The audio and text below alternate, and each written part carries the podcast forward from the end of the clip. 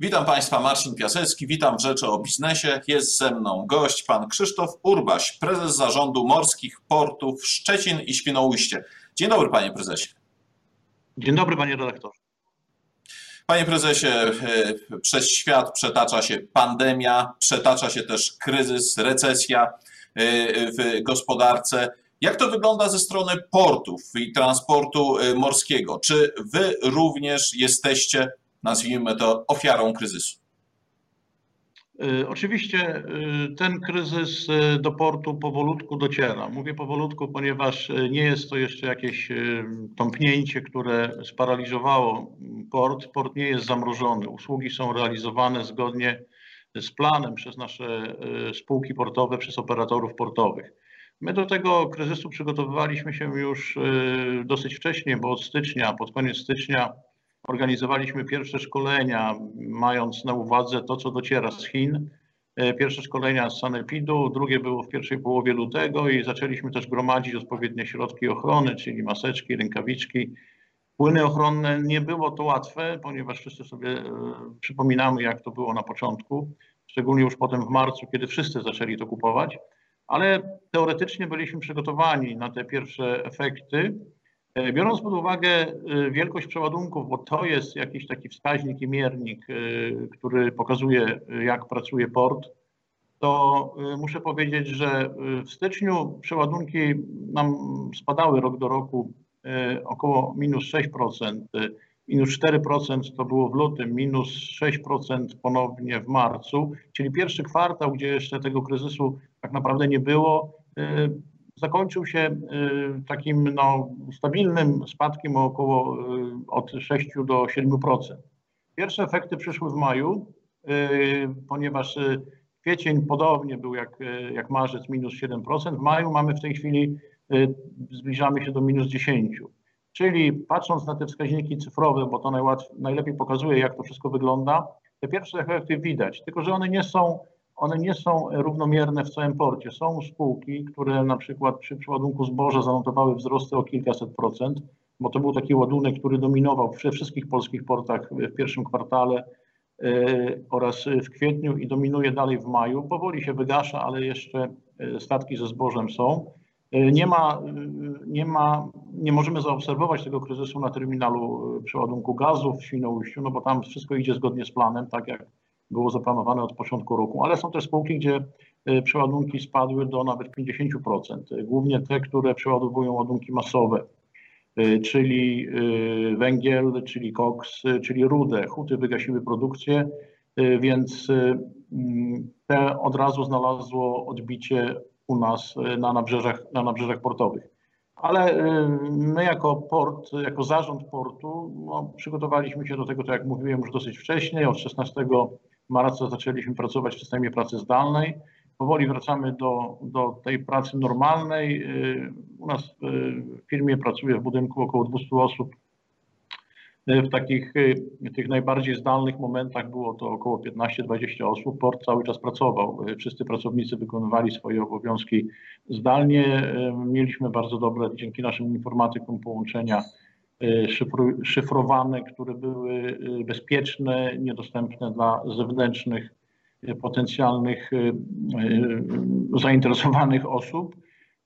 Dlatego też no, jako zarząd portu nie, nie odnotowaliśmy jakichś skarg na naszą pracę, że coś było spowolnione, że czegoś nie robiliśmy. Wszystko było poza tym, że nie siedzieliśmy w budynku, nie byliśmy w budynku, wszystko było w miarę normalnie. E, oczywiście spółki portowe e, na pewno w większym stopniu, e, w większym stopniu odnotowały skutki tej pandemii. My to widzimy troszeczkę na naszych przychodach, bo też nasze przychody relatywnie zmalały, ale też nie w takim stopniu, żeby można było powiedzieć, że jest już głęboka recesja czy głęboki, głęboki kryzys. My cały czas jesteśmy w kontakcie ze spółkami operatorskimi, rozmawiamy ze spółkami operatorskimi i gdy zajdzie taka potrzeba, że rzeczywiście ten efekt będzie y, no, znaczący, to dla obu, dla obu obszarów, czyli spółek operatorskich oraz zarządu portów, na pewno wtedy y, wrócimy do tych naszych rozmów dotyczących y, relacji kryzysowych.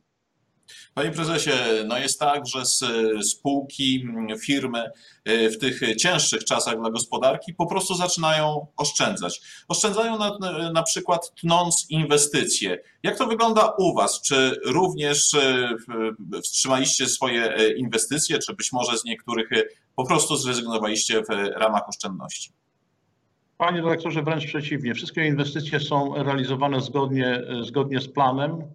E, jesteśmy, właśnie rozstrzygnęliśmy przetarg e, wspólnie z e, PGNiG na budowę, rozbudowę terminalu gazowego w Świnoujściu. W tej chwili no, w ciągu najbliższych dni zostanie zatwierdzony wykonawca prac związanych zarówno po stronie, które będą prowadzone zarówno po stronie PGNiG, jak i po stronie zarządu portu. My jako zarząd portu będziemy budować nowe nabrzeże. Y, nowe nabrzeże, które pozwoli y, przyjmować, y, przyjmować statki o, tej samej, o tych samych parametrach, co to, które pracuje obecnie. To jest Świnoujście. Realizowana bez przeszkód jest przebudowa terminalu promowego, łączenie stanowisk numer 5 i 6. W wyniku ich powstanie powstanie y, stanowisko o długości 270 metrów nawet plus, który pozwoli przyjmować największe promy, które będą pływać na Bałtyku. Y, swoją inwestycję realizuje też Urząd Morski. Rozpoczął inwestycję pogłębienia toru wodnego długości 67 km ze Świnoujścia do Szczecina. My po swojej stronie musimy doprowadzić do tego, żeby tam, gdzie Urząd Morski skończy pracę w Szczecinie, przygotowujemy swoje inwestycje związane z e, basenem e, kaszubskim i kanałem dębickim. Jesteśmy w trakcie przetargu, który będzie rozstrzygany 8, znaczy ofer, termin składania ofert 8 i 15 czerwca. W ciągu dwóch, trzech miesięcy mamy nadzieję już podpisać umowy z wykonawcami, którzy wygrają przetargi i przystąpimy do pracy. Realizowane jest przez e, PKP PLK dwie inwestycje na terenie e, Świnoujścia i Szczecina, czyli dostęp kolejowy do portów. Bardzo nam to usprawni e, pracę związaną z transportem kolejowym. Wartość tych inwestycji 1,5 miliarda złotych. Z takich inwestycji, no powiedzmy, że w skali mniejszych to jest inwestycja związana z parkingiem w Świnoujściu dla 300 samochodów ciężarowych oraz infrastruktura techniczna, czyli wodkan, czyli sieci energetyczne, ścieki i te wszystkie, które, te wszystkie techniczne parametry, y, które towarzyszą przeładunkom, które muszą być, bez których przeładunki nie mogłyby się odbywać. No i jesteśmy oczywiście w trakcie przygotowania tej naszej przyszłościowej, sztandarowej inwestycji, tak, drugiej takiej dużej obok y, terminalu gazowego w porcie Świnoujście, czyli terminal kontenerowy, głębokowodny terminal kontenerowy. W tej chwili jesteśmy na ostatniej prostej, jeżeli chodzi o, wybory, o wybór procedury, w, w, w ramach której wyłonimy naszego potencjalnego partnera. Zgłosiło się y, na razie 7 jest 7 zainteresowanych y, podmiotów.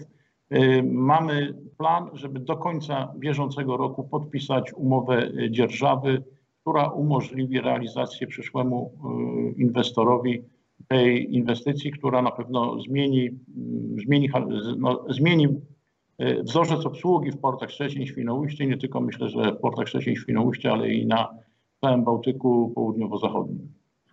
Panie prezesie, czy tak dalekosiężne, tak duże inwestycje mają sens w obliczu no jednak spowolnienia mm, z, z trudnych mm, czasów dla gospodarki, recesji, która y, obejmuje kolejne państwa y, na świecie? Czy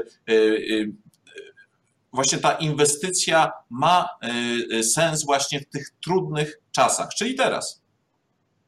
Panie redaktorze, no, y, każda recesja, nawet najgłębsza, kiedyś się kończy. Każdy kryzys kiedyś się kończy. Inwestycje portowe to są inwestycje, które są budowane z horyzontem czasowym 30, 50, a nawet 100 lat. Port Gdynia zaczął być budowany 100 lat temu i dzisiaj trzon portu wygląda tak samo. Także te inwestycje planuje się na kilkadziesiąt, a wręcz czasami ponad, y, nawet można powiedzieć na kilkaset lat. Tak, y, tak planuje się rozwój wielkich portów w Europie i na świecie. Y, czy to ma sens? No, sens ma, bo budowa takiej inwestycji, y, cały cykl inwestycyjny od momentu rozpoczęcie poszukiwania partnerów poprzez podpisanie umowy, wybór wykonawców i jej zakończenie to jest okres 4, 5, 6 lat, więc te inwestycje będą gotowe w latach 2023, w latach 2025, te, które dzisiaj rozpoczęliśmy i te, które mamy zamiar rozpocząć. Mamy na to y, zaplanowane środki. Oczywiście będziemy obserwować rynek, y, czy te, mm, y, te wszystkie zdarzenia związane z pandemią będą miały trwałe odbicie w szlakach transportowych, ale z tego, co już zaczyna dochodzić informacje, które już dochodzą z Chin, oczywiście w tym roku, w tym roku na pewno nie będzie jeszcze jakiegoś głębokiego odbicia, ale porty morskie charakteryzują się tym, że one ostatnie, ostatnie przestają pracować i pierwsze rozpoczynają pracę. Także myślę, że tutaj jesteśmy zgodnie zresztą z innymi portami, gdzie podobne procesy są realizowane. Mówię też o polskich portach, oczywiście Gdyni i Gdańsku Plany też nie zostały wstrzymane, inwestycje są realizowane w portach Europy Zachodniej podobnie, także y, naszym zdaniem y, wszystko jest y, zgodne z odpowiedzialnością i zdrowym rozsądkiem. Jak, Panie prezesie, jak... podejście do tego, co w tej chwili robimy. Panie prezesie, a jaki scenariusz przewiduje Pan dla portów Szczecin i Świnoujście? Co się będzie działo w najbliższych miesiącach? Jest Pan optymistą czy pesymistą? No jestem realistą przede wszystkim, czyli y, obserwujemy, mamy bieżący monitoring, tak jak mówiłem na początku, codzienny, jak sytuacja wygląda w poszczególnych spółkach, y, operatorach, którzy są naszymi partnerami. Zarząd portu jako taki nie wykonuje y, czynności, znaczy nie wykonuje, nie realizuje usług przeładunkowo-składowych. Zgodnie z ustawą o portach i przystaniach morskich nie jest to możliwe, natomiast mamy podpisane umowy z naszymi dzierżawcami, którzy oni realizują właśnie oni realizują te, y, te usługi przeładunkowo-składowe, wszystkie manipulacyjne towarzyszące tym, y, tym procesom i jestem umiarkowanym optymistą, mogę powiedzieć. Oczywiście będzie wszystko wiadomo jak po drugim kwartale, to zresztą wszystkie branże, bo my jesteśmy jako port odbiciem tego, co się dzieje w, go, w, gos, w gospodarkach, zarówno gospodarce polskiej, jak i gospodarkach światowych, wszędzie tam, gdzie skąd towary są do Polski, do Polski transportowane, wszędzie tam, dokąd one są wysyłane, no bo część firm w Polsce musiała wstrzymać produkcję z, z uwagi na y, prosty, prosty powód. Y, ładunki, czyli już potem towary, u nas to są ładunki, a przewiezione do finalnego odbiorcy stają się towarami, nie są po prostu odbierane bądź y, nie są zamawiane. To jest, bierze się stąd, że cały handel detaliczny w całej Europie był praktycznie zamknięty i na przykład tak, tak do 80% spadła produkcja, czy w niektórych zakresie zakończyła się prawie całkowicie, jeśli chodzi o meble na przykład. Y, dlatego też y, y, jestem, jak mówiłem, umiarkowanym optymistą. Oczywiście po ocenie drugiego kwartału i trzeciego kwartału, które będą na pewno takim obrazem, jeżeli nic nie wydarzy się jesienią. No bo ja nie jestem specjalistą od wirusa, ale śledzimy na bieżąco opinie wszystkich wirusologów, lekarzy, wszystkich tych, którzy które decydują, jak ta gospodarka w ramach wirusa powinna pracować, gdy nie dojdzie do tej drugiej fali, o której jednak mówi się i to w niektórych momentach coraz głośniej, no to wtedy do końca roku powinniśmy ten rok zakończyć na podobnych poziomach przeładunków jak y, w tym drugim kwartale, czyli lekko w dół, ale stabilnie w dół bym powiedział. Drugi, trzeci i czwarty kwartał to będzie jakieś powolne wracanie do tych norm y, ubiegłorocznych czy y, norm sprzed dwóch lat, jeżeli chodzi o wskaźnik przeładunku. No a przyszły rok to jak y, w Państwa prasie też podajecie Państwo w Rzeczypospolitej czy w parkiecie, no Polska powinna najmniej ucierpieć, czyli ten stopień recesji nie powinien, stopień zmniejszenia PKB bodajże to jest taki wskaźnik, powinien wahać się w granicach 4%. E, więc e, nie powinna to być głęboka recesja, a jak mówię, porty przestaną pracować ostatnie, ale pierwsze też wrócą do pracy. Czyli umiarkowany optymizm. Tak. Bardzo dziękuję za rozmowę. Moim gościem był pan Krzysztof Urbaś, prezes zarządu Morskich Portów Szczecin i Świnoujście. Dziękuję panie rektorze. Do usłyszenia.